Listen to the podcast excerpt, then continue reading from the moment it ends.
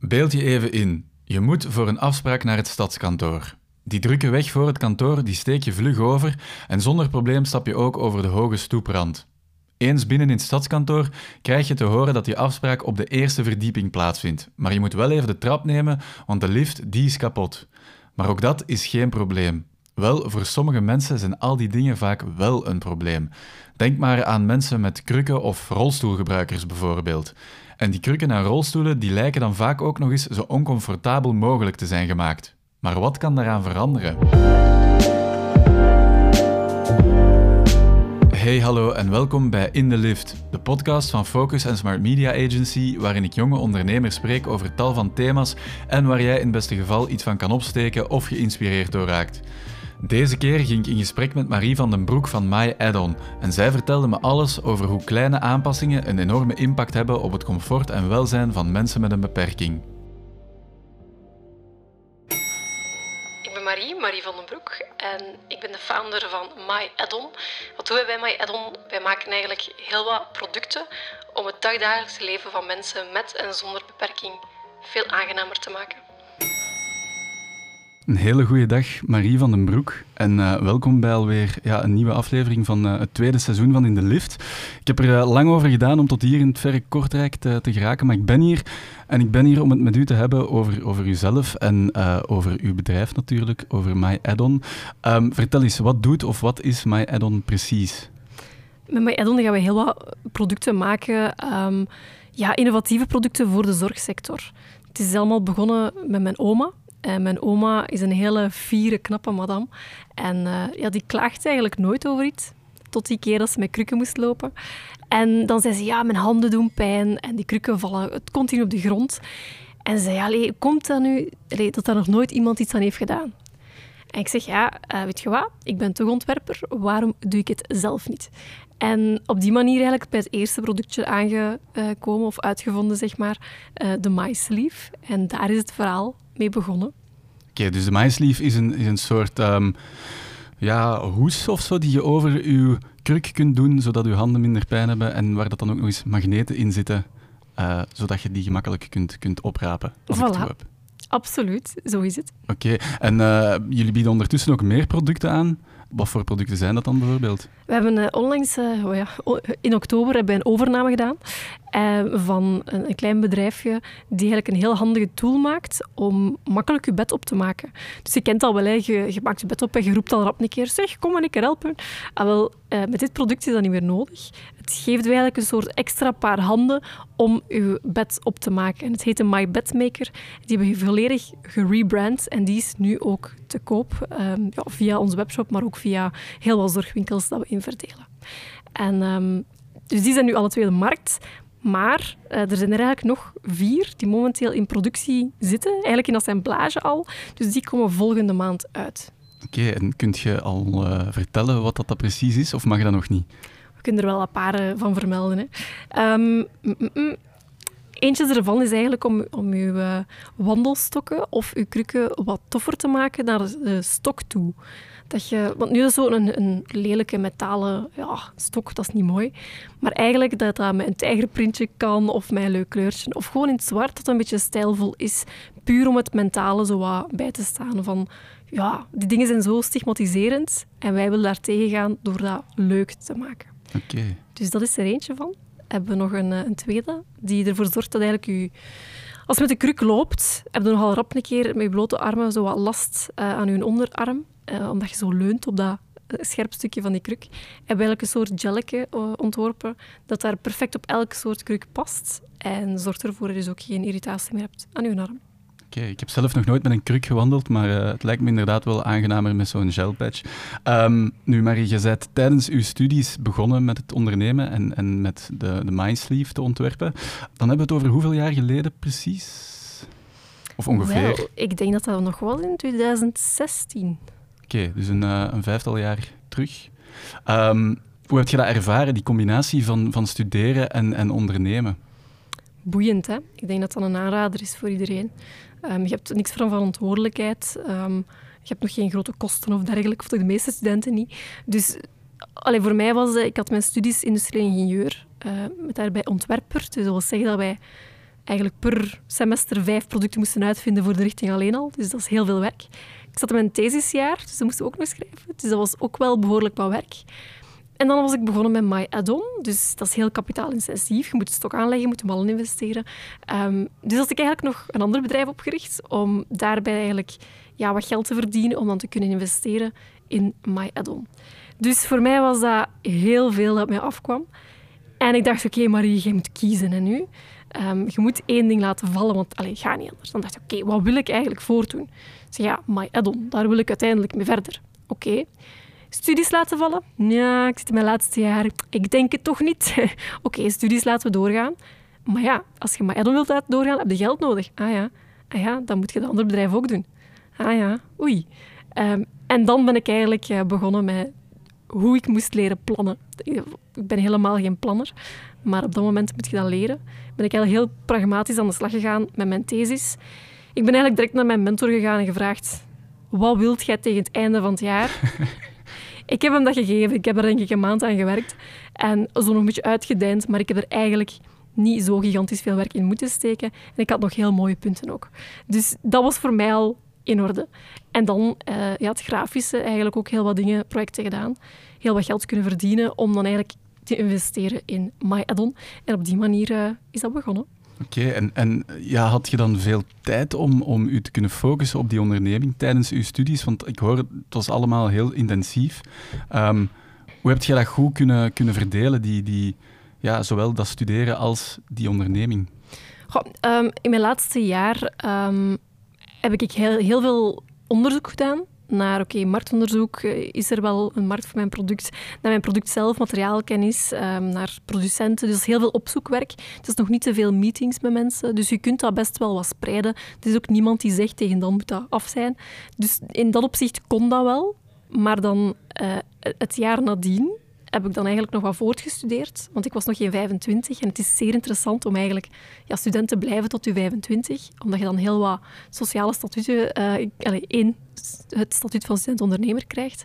En wil zeggen dat je ook geen sociale bijdrage moet betalen, um, geen belastingen, dacht ik ook. Allee, er zijn heel wat dingen uh, positief daaraan. Dus ik dacht, weet je wat, ik ga gewoon nog iets bijstuderen dat relevant is voor mijn, mijn zaak. Dus ik heb marketing nog bijgedaan en graphic design en uh, netwerkeconomie. en heb ik zo een aantal vakken ervan meegedaan, geen volledige richting. En in samenspraak met die leerkrachten heb ik afgesproken van kijk, als ik belangrijke meetings heb, want in dat jaar had ik er dan wel, ja, dan zal ik hier niet zijn. Of als examens moet uitstellen, het kan zijn. Nu, die hebben er allemaal heel goed mee om geweest en um, we mochten het allemaal doen. En meer nog, heel wat praktische zaken, opdrachten dat we moesten doen, heb ik kunnen alteren naar een opdracht die positief was voor mijn bedrijf. Bijvoorbeeld, we moesten voor een bepaalde opdracht een website maken. Ja, in plaats van een random website heb ik gewoon mijn eigen website gemaakt.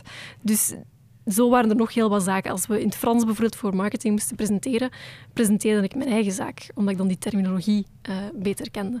Dus in dat opzicht, heel veel scholen ondersteunen u echt wel, maar het is een beetje afhankelijk van leerkracht tot leerkracht dat je het samen gewoon ik moet bespreken. Mm En die scholen die ondersteunen u toen ook al, want ja, vijf jaar geleden, dik vijf jaar geleden, was dat nog niet even geïntegreerd of zo als nu, dat hele student-ondernemersstatuut. Uh, mm -hmm. Dat ging wel. Ja, um, eigenlijk was het allemaal dankzij Durf Ondernemen van de UGent. Misschien kennen jullie dat wel. Um, dat is een sectie van die, van die school die eigenlijk volledig de studentondernemers gaat ondersteunen. Met alle soorten vragen dat ze hebben, uh, advies, noem maar op. En het is eigenlijk omdat zij in de klasnikkers zijn komen spreken en wat ondernemers, studentondernemers hebben meegebracht, dat ik voor de eerste keer geïntegreerd was van oké, dat is ook mogelijk ondernemen. En uh, ja, dat, dat begon mij te boeien. En ik dacht, ja, dat is precies wel iets voor mij ben ik met een volledige A4 voor- en achterkant volgeschreven met vragen naar Durf Ondernemen getrokken. Eh, omdat ja, ik zat hier in Kortrijk, terwijl uh, de hoofdcampus is in Gent, dus ik mhm. moest helemaal naar daar gaan. Maar ik had het er graag voor over. En ik heb daar een uur of meer zelf samengezeten. Ik heb al mijn vragen kunnen stellen. En ik denk niet zoveel later heb ik mijn eerste zaak opgestart. Oké, zalig. Ja. Wat was zo het punt dat jij wist van, oké, okay, my add-on, hier zit meer in en hier wil ik echt mee verder gaan? Wel, um, op het moment dat mijn oma dat probleem had in het begin, um, had ik ook het vak Small Business Project in mijn laatste jaar, waar we een product in de orthopedische sector moesten maken. En eh, ik dacht dat dat een ideale combinatie was om dat productje daar uit te vinden. En we werden van die richting uit verplicht om mee te doen aan businessplanwedstrijden. En ja, als ontwerper, je maakt vijf producten per semester, dus je denkt daar niet altijd bij na wat dat daarna kan of wat dat mogelijk is. Maar je komt eigenlijk van een heel gesloten schoolwereld. En dankzij die wedstrijden komt even in de echte wereld. En dat is een jury met echt businessmensen, met mensen uit de healthcare. En als die mensen zeggen, hé hey Marie, je moet daar wel mee verder doen, dat is een gat in de markt. Hè. Ja, dan ga je wel een keer denken. En op dat moment dacht ik, tja, ja, misschien is dat wel een punt. Ben ik dat gewoon nog verder gaan onderzoeken van, is dat wel markt? Want je doet dat wel voor het school en zo, maar je wilt dat toch nog een keer echt voor echt doen. Um, ben ik dat heel, heel diep gaan onderzoeken. En zodanig diep, diep dat ik om duur zei van, ja, alleen Marie, als je er nu niet aan start, wanneer ga je het dan wel doen? Uh, dus op die manier begonnen. Ja, en je hebt inderdaad, je hebt het zelf al wat aangehaald, je hebt uh, ook al wat awards gewonnen. Onder andere uh, een van de Henri van de Velde Awards, uh, student-ondernemer van het jaar 2017, als ik het goed heb. En nu, heel recent, de, heb je een award gewonnen bij de, de WOMED Awards van, um, van Markant VZW. Die van belofte van het jaar, 2020, als ik het ook goed heb. Um, ja, wat doet dat met u om, om die prijzen zo te winnen? Ach, um veel, hè. Dat is een, een heel mooie award. Ik weet nog in het begin, een van de eerste awards dat ik, dat ik won, was um, dat die enorm veel naar credibiliteit toe. Want je zegt je maar een jonge starter, je weet je nog niet veel, je hebt geen groot netwerk. En plots staan al die kranten vol, alle magazines, um, alle grote winkels die relevant zijn naar je sector, komen hun kaartje bij u leggen of, of die bellen u op. Dus, dus dat was voor mij echt gigantisch veel, puur die visibiliteit, die credibiliteit. En um, ja, de, de, wedstrijden is, is voor mij een soort feedbackronde. Om, in school krijg je heel veel feedback van, van alle soorten leerkrachten, of je het nu wilt of niet, zeg maar. Maar uh, in de ondernemerswereld heb je niet altijd directe feedback als je nog niet aan het verkopen bent. Dus voor mij was een ideale gelegenheid om mijn businessplan te laten doorlichten door echt ervaren mensen uit een business en uit de sector, die dat gratis en voor niks deden, met heel veel passie. En die ook een keer feedback gaven, met de kans, als je inderdaad goed waart, dat je nog een keer kon winnen ook. Heel wat persaandacht, eventueel een geldprijs kon winnen. Um, dus dat, was voor mij zeer waardevol toen. En nu is het voor mij eigenlijk meer om, omdat ik heel wat aanvragen krijg van jonge ondernemers die ook wel iets willen doen. Dus, um, en zeker ook in, in STEM, uh, Science, Technology, Engineering en uh, Mathematics, um, merken we toch dat, dat er een tekort is aan rolmodellen. En uh, wil ik toch wel helpen stimuleren om heel wat meisjes of jonge vrouwen uh, aan te zetten om toch ook wel die technische richtingen op te zoeken en te tonen dat, dat vrouwen dat even goed kunnen als mannen. Mm, absoluut, absoluut. Uh, je zei er net al die feedback die, je, die je dan krijgt.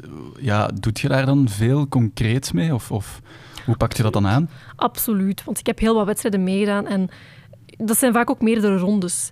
En elke keer dat ik feedback kreeg, ik deed er altijd iets mee. Want je merkt eigenlijk heel goed mijn vooruitgang. In het begin stellen ze nog heel veel vragen dat ik echt niet wist hoe dat ik er moest op antwoorden. En dan zei ik dat ook, van ja, ik vind dat wel een hele goede tip, ik ga dat meepakken. En ik deed dat ook. En je merkte naarmate dat dat vorderde, op den duur kon ik gewoon op elke vraag antwoorden eh, dat ze mij stelden. En op dat moment weet je, oké, ja, dat is hier wel goed. Ik heb mijn huiswerk gedaan en we kunnen verder. Hm, als je zo één uh, feedbacktip zou moeten meegeven aan onze luisteraar, welke zou je dan geven? Het zijn er veel natuurlijk, maar ik denk de belangrijkste is luister naar je gebruikers, uh, definieer een bepaalde markt en ga echt in gesprek met die mensen. Er zijn heel veel mensen die dingen uitvinden waar dat eigenlijk geen vraag naar is. Dus als er een nood is en jij kunt daar een oplossing voor vinden, oh ja, dan zijn we goed bezig. Voilà. Um, ik denk dat je een ongelooflijk grote passie moet hebben voor het, het, het, oplossen van problemen en het helpen van anderen. Heb je dat altijd al in u gehad? Ja, absoluut. Van, van kleins af. Als ik ergens een probleem zag of iemand die een probleem had met iets, het eerste dat ik wou doen is, is dat oplossen op eender welke manier dan ook. En nog altijd, als ik ga babbelen met mensen, ik ben eigenlijk pas echt op mijn gemak als ik weet dat ik een probleem kan oplossen. Oké. ja. Oké, okay. uh, ja, voilà. Misschien moet ik hier uh, voor, zorgen voor een audioprobleem of zo, dat je dat kunt oplossen. Um, maar, uh, maar, maar hoe uitte zich dat dan bijvoorbeeld? Heb, heb je zo'n concreet voorbeeld van in je kinderjaren, van een probleem dat je toen wist op te lossen? Dat gaat van heel grote tot heel kleine. Ik weet nog dat onze, onze honden heel vaak uitbraken uit onze tuin. En altijd op de meest rare plaatsen, dat je dacht, allee. En Ehm, en mijn ouders waren toen op reis, dus ik, er moest iets gedaan worden. En uh, ik, ik, was daar alleen, nu wel een hele week, even. Um, en ik wilde dat oplossen. En mijn papa had al van alle voorstellen gedaan. Ik dacht, dat is allemaal niet goed, dat gaat niet werken. En ik had dan iets heel eenvoudig. Ik had uh, metalen, um, hoe noemt dat? Van die metalen staken voor een beton, zeg maar, ja. in de grond geklopt op een bepaald gebied. En dan had ik daar rond eigenlijk een draadje gespannen. En dat draadje moest eigenlijk met een, een, uh, soort ja, rattenstaartje, zeg maar, uh, had ik dan vastgebonden. Um, omdat het de enige manier was dat iets aan die, aan die dingen kon vasthangen, dat dat werkte. Dus ik weet, ik weet niet meer hoe oud ik was. Ik best zeven jaar of zo. dus, uh, en dat was allemaal in orde als, als mijn ouders toekwamen. Dus voor zo, zo jong te zijn, vond ik dat eigenlijk wel een goede oplossing. ja, dat is al, dat is al niet slecht inderdaad. Ja. Um, hoe komt dat volgens u dat je dat zo belangrijk vindt of dat, om, dat je daar zoveel waarde aan hecht om problemen te kunnen oplossen of anderen te kunnen helpen? Of waarom is dat gewoon zo belangrijk voor u? Ik vind het belangrijk um, als je praat met mensen en zij hebben bepaalde challenges.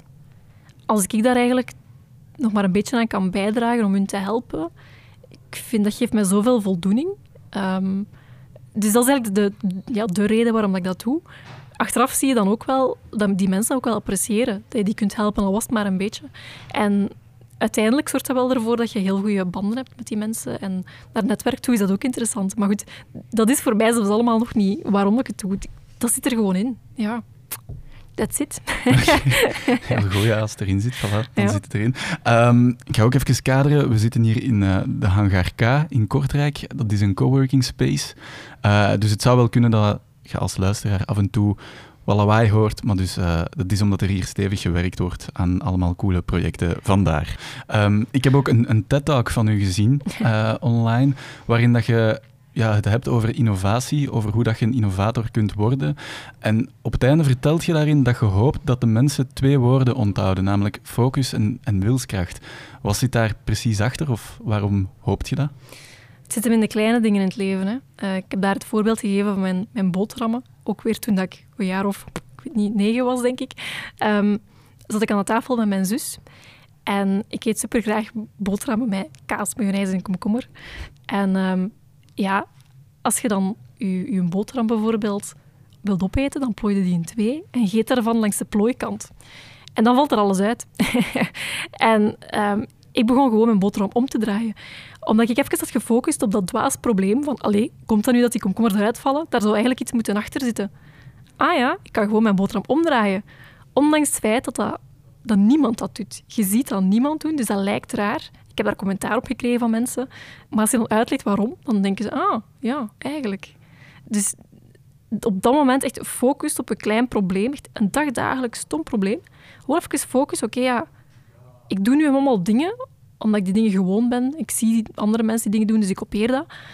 Maar zijn er ook andere mogelijkheden die misschien eigenlijk veel beter zijn?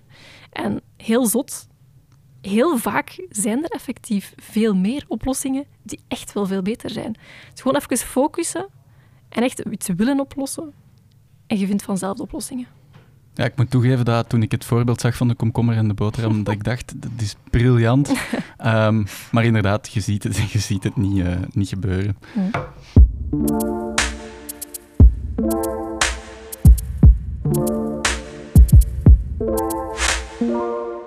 We zijn gekomen aan onze rubriek Even tussendoor, geschreven met drie F'en, die van uh, financiën, van falen en van familie. En ik ga je over elke F gewoon een vraag stellen. Um, zo eenvoudig ja, kan het soms zijn. Te beginnen met die van financiën. Um, jij hebt nu al heel wat producten, maar je bent alleen maar bezig met, die, met op te schalen en nog meer producten aan te bieden. Je wilt ook internationaler gaan.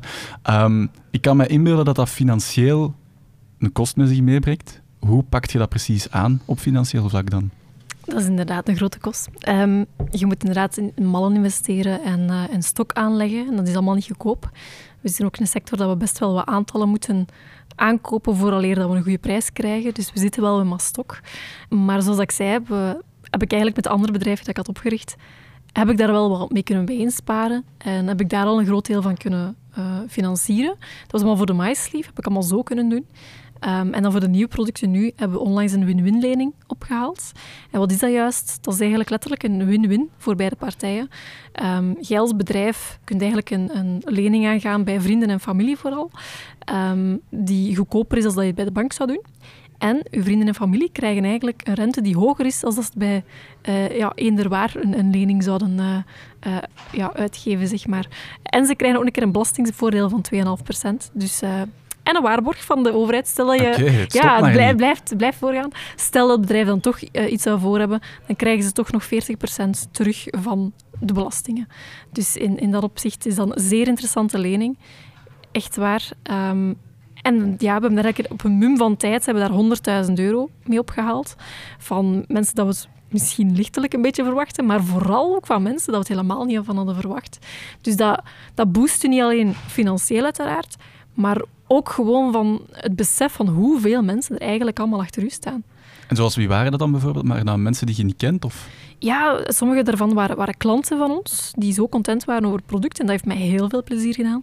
Andere waren een soort van mentoren. Um, uh, ja, allez, vrienden en familie, uh, noem het op. Of gewoon mensen die het zagen verschijnen en die zeiden, ah, dat ziet er interessant uit, we gaan dat meedoen. dus uh, ja, allez, echt, heeft mij heel veel plezier gedaan. En waarom leek u dat dan interessanter in vergelijking met bijvoorbeeld uh, crowdfunding of zo? Crowdfunding dat vergt heel veel voorbereiding. We hebben daar eens naar gekeken om voor bepaalde producten crowdfunding te doen. Maar wat dat je daar van maanden voorbereiding moet aan doen om die crowd samen te stellen, om, om, ja, dat is ongelooflijk. Een win-win lening, wij hebben dat maandag opgezet, zeg maar, en vrijdag hadden wij al een deel van het geld binnen. Dus dat gaat onwaarschijnlijk snel. En het is echt wel zeer voordelig. Hmm. Hoe zat dat dan voor, voor uh, Dekkebed, het product waar dat we daar straks over hebben gehad? Um, ik kan me inbeelden dat dat ook een serieuze hap uit uw budget neemt. Hoe heb je dat precies aangepakt? Ja, dat was helemaal niet gepland, hè, uh, die overnames. Ze kwamen plots met dat voorstel en dat was een interessant voorstel. We hebben dat onderling uh, ja, overlegd hoe dat we gingen doen. En we zijn tot een goede compromis gekomen dat we ook een deel van de kosten wat kunnen spreiden. Dus uh, op die manier. Als je kosten over het algemeen kunt spreiden, ook met leveranciers en dergelijke. Ik ga, ga altijd onderhandelen over, over de, ja, de kosten uh, in de tijd gaan spreiden. En dat doet zoveel voor je cashflow. Heb je daar lang over moeten nadenken over die overname? Zowel gewoon de overname op zich als op financieel vlak? Dat viel eigenlijk best wel mee. Um, het was echt wel een goed voorstel. Um, de prijs dat ze vroegen was niet allee, laat ons zeggen wat ze allemaal bieden in de plaats van die prijs, was het zeker het waard. Dus um, het was voor ons een, een, ja, een logische keuze op dat moment. Uh, en nog altijd. We zijn er heel content van. Dan gaan we naar de F van, uh, van falen. Zijn er al producten geweest die je hebt proberen te maken, maar die productioneel bijvoorbeeld maar niet wilden lukken? Dat het gewoon niet ging? Tot op heden uh, nog niet, maar wij hebben wel onze maisleaf helemaal in het begin. Um, dat was niet zo evident. Dat is niet zomaar een spuitgegoten productje. Um, je moet daar producenten voor vinden. In die zoektocht was al verschrikkelijk moeilijk, want je hebt nul netwerk als je uit school komt. Um, dus je moet beginnen via Google. maar dat gaat niet zo gemakkelijk. Uh, zeker niet als je zomaar een paar paar duizend aantal is al vrij veel voor een starter, maar voor hen is dat peanuts. Dus je vindt er geen. Uiteindelijk, na heel lang zoeken, via via iemand dat kende, toch iemand gevonden. Maar uiteindelijk bleek die kwaliteit toch niet te zijn wat we wouden. Dus we hebben het allemaal moeten vervangen. Um, dus daar allee, was dat wel een, faal, niet zozeer van ons, maar had wel wel gevolgen voor ons. Dus um, zijn we daar wel heel voorzichtig mee. Ook al geleerd, um, en allee, dat was niet bij de dienen natuurlijk, maar in het algemeen, als je samenwerkt met partners, je band is zeer belangrijk. En, en moet je soms iets meer betalen, terwijl je dan eigenlijk een veel betere service krijgt, een betere kwaliteit, dan zij daar... Ja, dan winnen daar tijd mee, winnen daar geld mee. Dus uh, niet altijd het onderste te kan winnen halen. -hmm. In heel dat proces, als het zo wat moeilijker loopt, is, um, heb je dan ooit gedacht aan opgeven? Of is opgeven een optie voor u? Ja, ik denk dat elke ondernemer wel af en toe een keer denkt, godverdikke, waarom doe ik het hier allemaal nog? Um, dat hoort erbij. Het is een rollercoaster. De ene dag zit je kwijt in je ogen, en de andere dag kun je zo diep zitten als het maar kan. Maar op dat moment, als je dan een berichtje krijgt van een gebruiker die zegt, hey Marie, merci voor uw product, merci om dat uit te vinden. Ik had echt al twintig jaar geleden moeten hebben. Dat is zo'n groot verschil. Ja, dan schiet je weer de lucht in, dan weet je direct weer waarom dat je het doet. Hè. En dan is er nog de, de F van familie. Um, aangezien dat jij anderen zo graag helpt, is het dan een evidentie bijna dat familie en vrienden naar u komen als ze problemen hebben, bijvoorbeeld? Ik ben heel goed in uh, praktische problemen op te lossen. Emotionele problemen is minder mijn dada. Dus uh, als ze emotionele problemen hebben, dan ben ik de laatste persoon dat daar geschikt voor is, denk ik. Um, ik probeer dat wel, maar ik vind dat zo moeilijk omdat je die vaak niet kunt oplossen. En ik word er ambetant van. Um, dat zijn problemen dat ik niet heb. Ja, kijk, ik vind dat verschrikkelijk. Dus uh, ja, als ze praktische problemen hebben, dan komen ze naar mij. Vind ik geen enkel probleem, doe ik dat met plezier. Maar uh, emotioneel is toch iets anders. Maar je hebt mij verteld dat, u, uh, dat uw team gigantisch belangrijk voor u is. Um, en het is zo, we hebben iemand gevonden uit uw team die iets uh, wist te vertellen over u ook. Oei. Een van de mooiste eigenschappen is hoe dat zij het beste kan halen uit iedere persoon. En maken dat die persoon zich op zijn gemak voelt en geaccepteerd voelt. Als je toekomt met My Idol, ben je niet gewoon maar een persoon, maar meteen een teamlid, meteen een vriend. Een vriend van Marie die volledig voor jou zal zorgen. En volledig achter jou staat in alles wat je doet. Ook om Marie te zien werken is zo inspirerend. Zij is zo'n slim en hardwerkend iemand en zo gemotiveerd. Dat je zelf ook alleen maar gemotiveerd wordt in wat je doet en er ook nog meer voor gaat. Ach, zeg, ik ben heel blij. ah, dat is schoon. Wie hebben we zo net gehoord? Jesse. Jesse is, uh, ah, Jesse is onze productdesigner. Dat is een, een topkerel, echt waar. Uh, oh, zeg. het overvalt mij. Ah. Wat doet dat met u om, om dat te horen van Jesse? Ah, dat, dat ontroert mij enorm. Dat, uh, ik, ik ben echt geen blijder. Ik ga echt niet rap wenen. Maar nu uh, is het rap gegaan. uh. Ja, ik ben er niet goed van. En mij zo overvallen. Potverdekken. Um, ja. Ja, ik weet echt niet wat ik daarop moet zeggen. Um, waarom, waarom is uw team zo belangrijk voor u?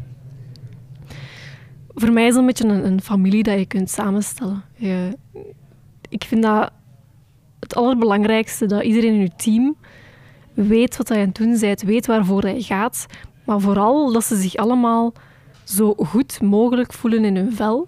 Omdat als dat het geval is, dan haalt ook veel meer uit die mensen. Dan, dan gaan die veel verder, dan, dan uh, mogen die ook veel meer creativiteit gebruiken. Dan, je ziet die mensen ook openbloeien. En ik denk dat het alleen maar goed is voor hen en, en voor het bedrijf, voor iedereen.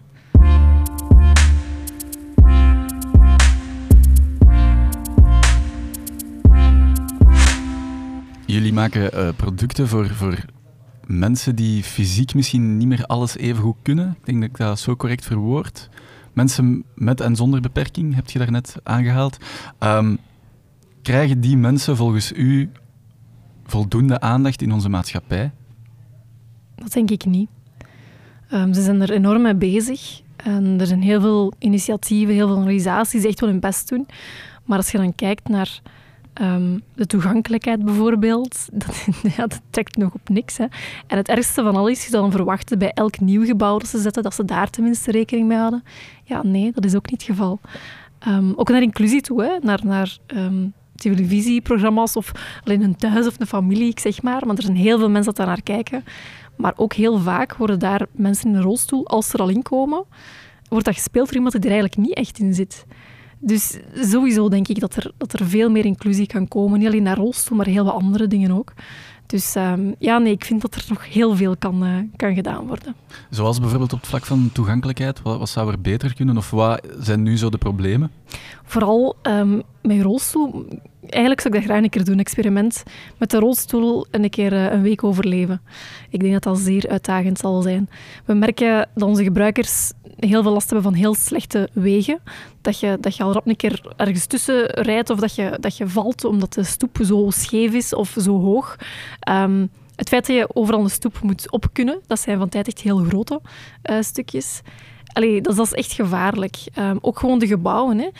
Dat er geen, geen ja, weg is om met rolstoel op te gaan. Of als die er is, dat er dan toch nog een trap is. Of allee, heel, heel domme dingen eigenlijk. Um, ja, er kan nog heel veel gebeuren. Ja, en het is belangrijk dat dat, dat dat ook gebeurt, want het zijn op zich allemaal kleine aanpassingen, zoals jullie producten zijn op zich vrij kleine aanpassingen, maar de impact die het heeft voor die mensen in hun dagelijkse leven is wel gigantisch groot. Hè? Absoluut, ja. ja.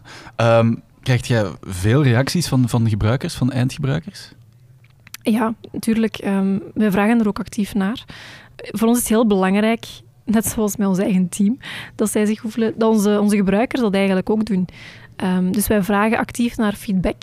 En alles wat dat zij ons kunnen vertellen dat positief of negatief is, dat is voor ons zeer leerrijk, omdat wij onze producten blijven ja, vernieuwen, verbeteren. En uh, alles wat, dat zij, wat dat zij ons kunnen vertellen is voor ons interessant. We hebben er ook een knop voor op onze website, waar dan mensen zich uh, hun, hun nood bijvoorbeeld, als ze een nieuw probleem hebben met iets, uh, of met, met, een ander product, um, dat ze eigenlijk gewoon kunnen vertellen bij ons. Dat komt bij ons in database en elke keer dat wij aan een nieuw product beginnen, dan gaan we gaan kijken naar die lijst van oké, welke noden zijn er nog allemaal? En heel vaak zien we dezelfde problemen terugkomen en dan weten we, ah, dat is een probleem dat we kunnen aanwerken. En dan gaan we ook terug op in gesprek met die mensen. Dus dan gaan we echt wel met hen terug dieper op dat probleem in. Gaan we prototypes maken en die prototypes gaan we bij hen terug gaan testen en nog heel veel andere. En terug feedback, weer itereren, weer nieuw product enzovoort enzovoort. Tot als we eigenlijk weer een nieuw product hebben. Je hebt eigenlijk al het antwoord gegeven op mijn volgende vraag, maar uh, waarom, waarom is dat zo belangrijk voor u om zo nauw samen te werken met die eindgebruiker? Ah, wel, dus om onze producten, ja, om onze producten eigenlijk uh, echt af te stemmen op de noden. Je merkt dat, dat er heel wat dingen worden gedaan voor rolstoelgebruikers, maar ze vergeten dan om die mensen te bevragen. Met andere woorden, het resultaat trekt vaak op niks. Wij zorgen er eigenlijk voor dat, dat eender wat wij maken, dat we echt bij elk, elke step of the way, zeg maar, dat we echt in contact blijven met die gebruikers.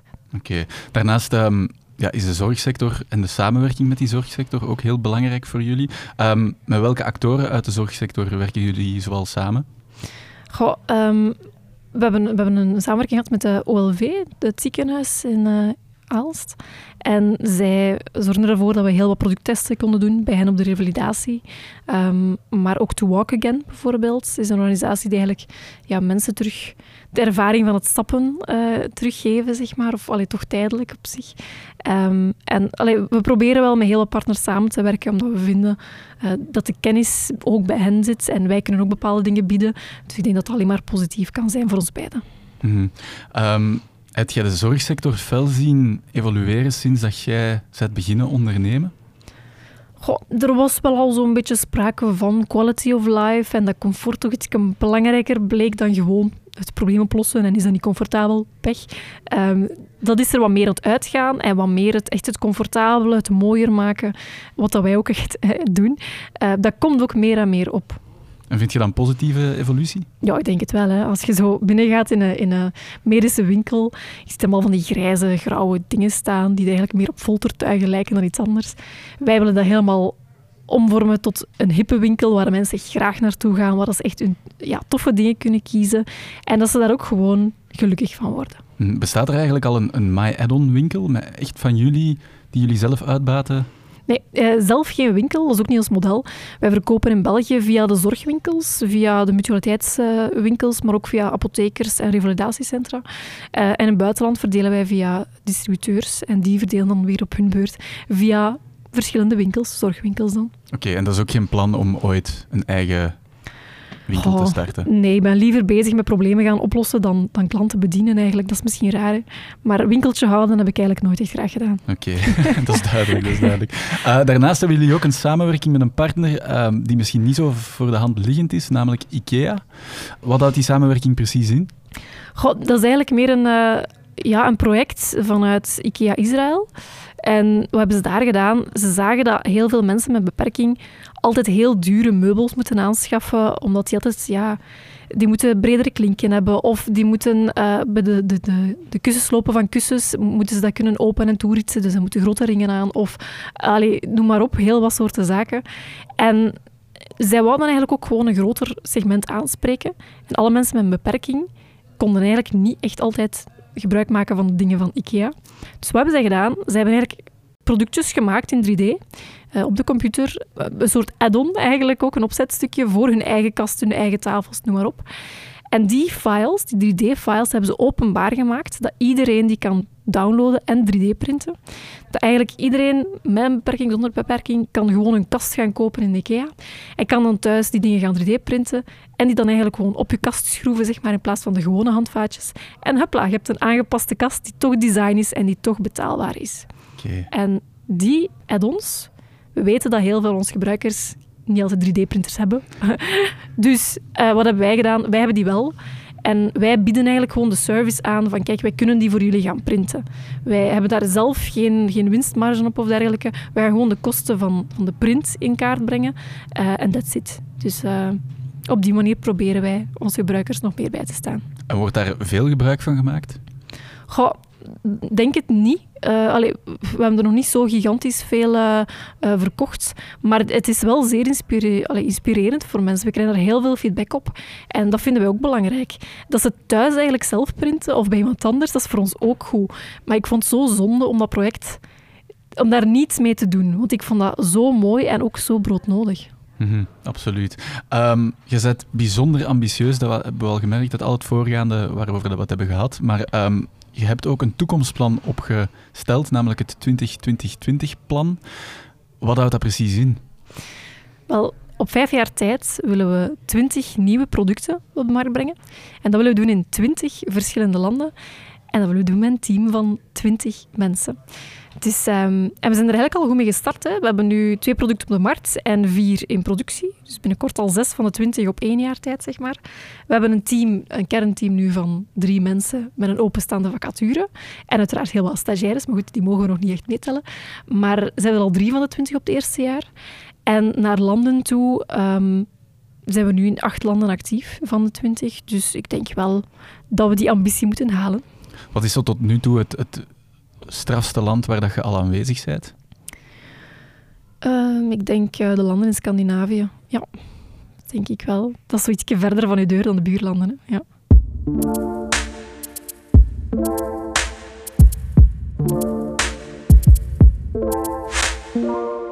Marie, de gemiddelde eh, millennial die spendeert enorm veel tijd op zijn gsm. Geldt dat voor u ook? Goh, ik heb zo'n appje en dat zegt me dan hoeveel uur ik op mijn... Of, of hoeveel uur schermtijd ik krijg. Ik val het achterover hoeveel dat, dat is. Oh, Je mocht hem er anders even bij nemen, die app. Ja, ja, dan gaan we meteen eens kijken. Ik pak dat daar nooit bewust bij. Dat komt er altijd op mijn melding. Ah, ja, ja, ja. Ah, ik heb dat ook op het einde van de week of zo. Is dat, Ja, uw schermtijd is zoveel zo- procent meer of minder dan... Ja, dat is jammer. Ik vind dat nu. Ik vind het niet erg eigenlijk. Ik vind het niet direct ik denk dat dat bij uw eh, instellingen ergens staat. Instellingen, oei, oei, oei, oei. Moet ik kijken.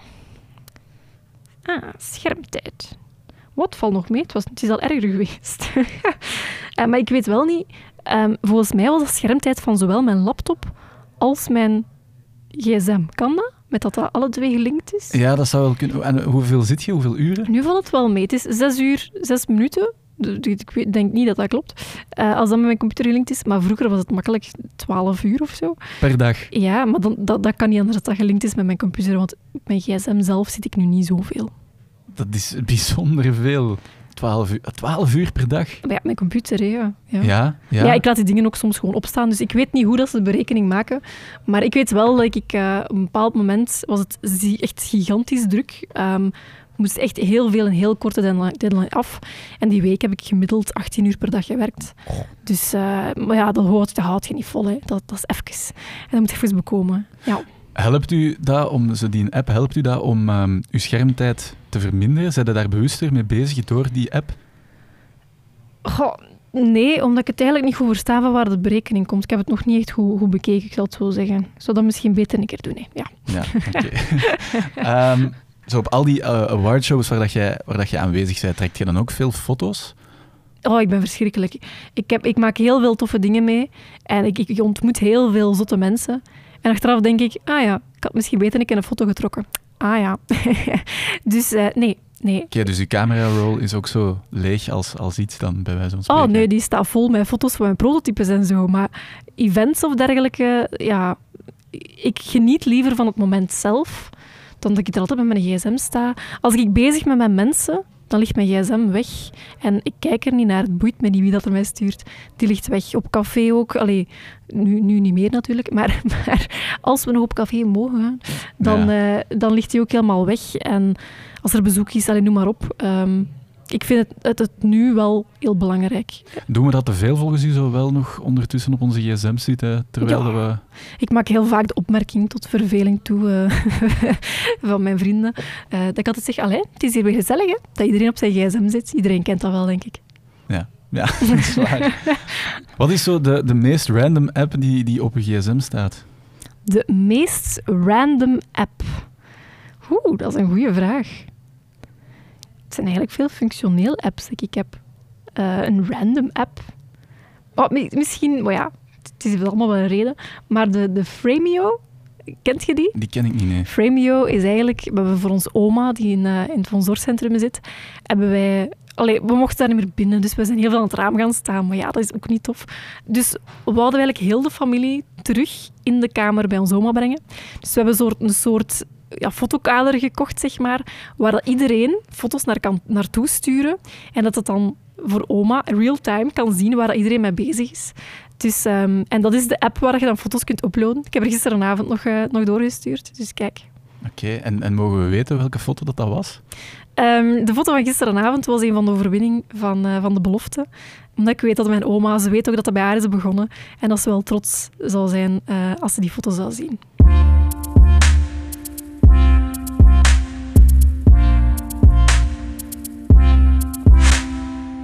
Jij spendeert bijzonder veel tijd aan, aan het helpen van anderen, maar ehm, heb je daardoor ook nog tijd voor jezelf? Goh, ehm, pre-corona ging ik eigenlijk heel vaak gaan badmintonnen.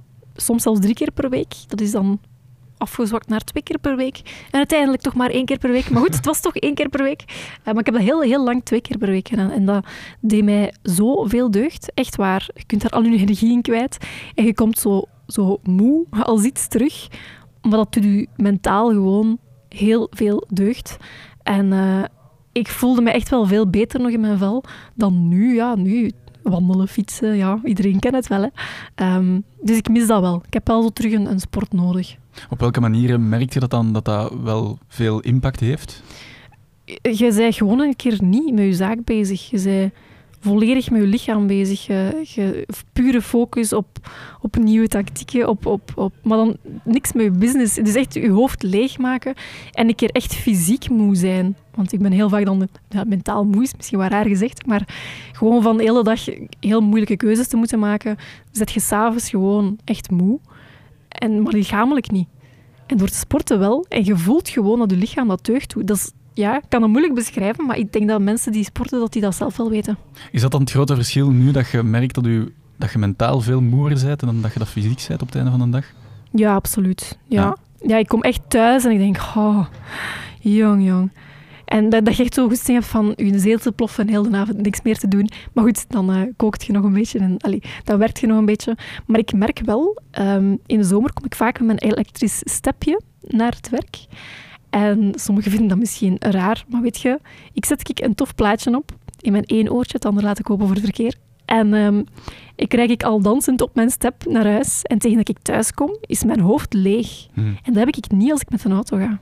Ja, dat snap ik heel goed. Echt je daar, echt je daar veel belang aan, aan zo dat tijd pakken voor jezelf? Goh, ik vrees ervoor. Ik denk het eigenlijk niet. Ik, nee, ik denk het niet. Nee. En vind je dat, je dat je daar meer tijd voor zou moeten pakken? Of is het wel oké zoals het nu is? Goh, het is momenteel wel oké zoals het nu is, maar ik, ik denk wel dat ik het eh, op termijn toch iets meer wil doen. Eh, wat meer ook op congé gaan. Ik ben al heel lang niet, niet ver weg geweest. Ehm, dus ik wil eigenlijk wel de wereld zien. Maar ja, alles op zijn tijd natuurlijk. Eerst eh, de wereld veroveren met uw product, denk Ja, ik. voilà. Ehm, hoe denk je dat wij als maatschappij meer aandacht kunnen schenken aan, aan hulpbehoevenden?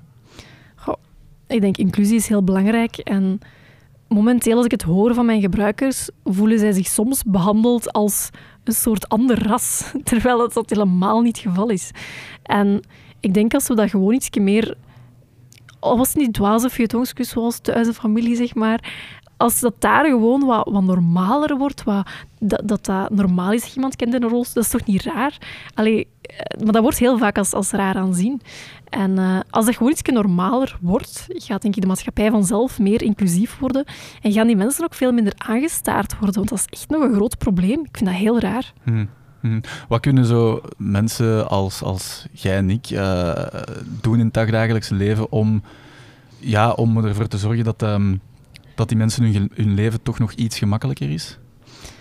Goh, ik denk uh, dat dat een beetje afhangt van situatie tot situatie. Als jij bijvoorbeeld een architect bent in opleiding, uh, of, of in het algemeen, zorg dan dat je daar rekening mee houdt. Um, als je iemand op straat ziet sukkelen omdat hij vastzit in een tramspoor of dat hij een trap niet opgeraakt, vraag gewoon beleefd, kan ik even helpen? Zit niet te staren of, of verhalen dat ik soms hoor van mijn gebruikers, dat ze vallen en dat er mensen daar zitten te lachen en, en echt wijzend uit te lachen.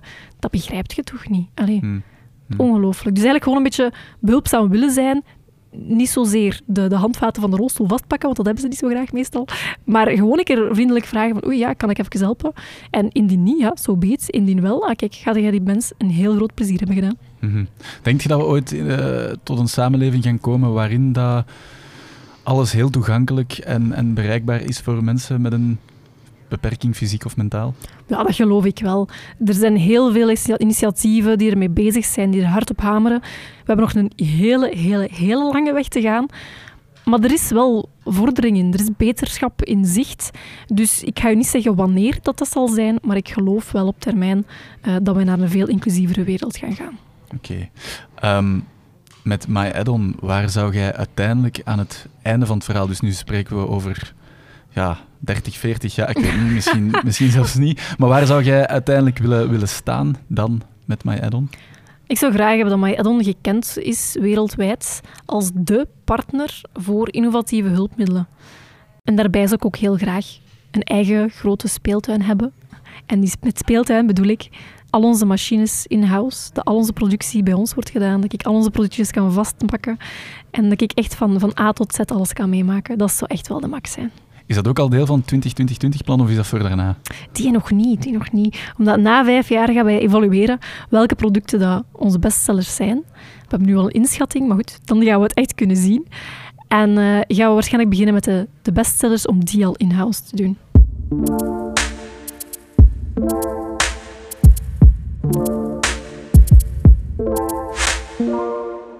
Marie, net zoals aan elke gast heb ik ook u gevraagd om uh, eens na te denken over een, levensmotto of een mantra waar dat je naar streeft of waar dat je naar leeft. Um, wat is dat uiteindelijk geworden bij u? Hm. Voor mij is het heel belangrijk dat ik altijd recht in iemand zijn ogen kan blijven kijken. Als ik iets heb misdaan of ik maak een fout of eender ja, iedereen doet dat wel een keer. Maar ik vind het dan wel belangrijk dat je verantwoordelijkheid opneemt en dat je ervoor zorgt dat je als die mens of die madame of eender wie later tegenkomt, dat je die terug recht in de ogen kunt kijken en dat alles terug oké is. En um, met andere woorden, dat je eigenlijk zo eerlijk mogelijk probeert te zijn in eender welke omstandigheid. Oké, en waarom vind je dat zo belangrijk? Ik vind authenticiteit, eerlijkheid, ik vind dat belangrijk als je wil banden opbouwen met mensen. Als mensen liegen of ze zijn uh, niet consequent met wat ze zeggen, heb ik wel moeilijker met daar een vertrouwensband mee op te bouwen. En dus als ik dat moeilijker vind dan anderen, dan ga ik het zelf ook niet gaan doen. Dus dan ben ik liever iemand waarop je kunt vertrouwen. Als ik een belofte maak, dan ga ik ook alles in het werk stellen om die belofte te houden. En dat is voor mij heel belangrijk. En is dat een, een motto waar dat je naar leeft of waar dat je naar streeft? Ik leef daar wel naar. Ik denk niet dat er heel veel mensen zijn die mij kunnen betrappen op een belofte dat ik niet heb gehouden.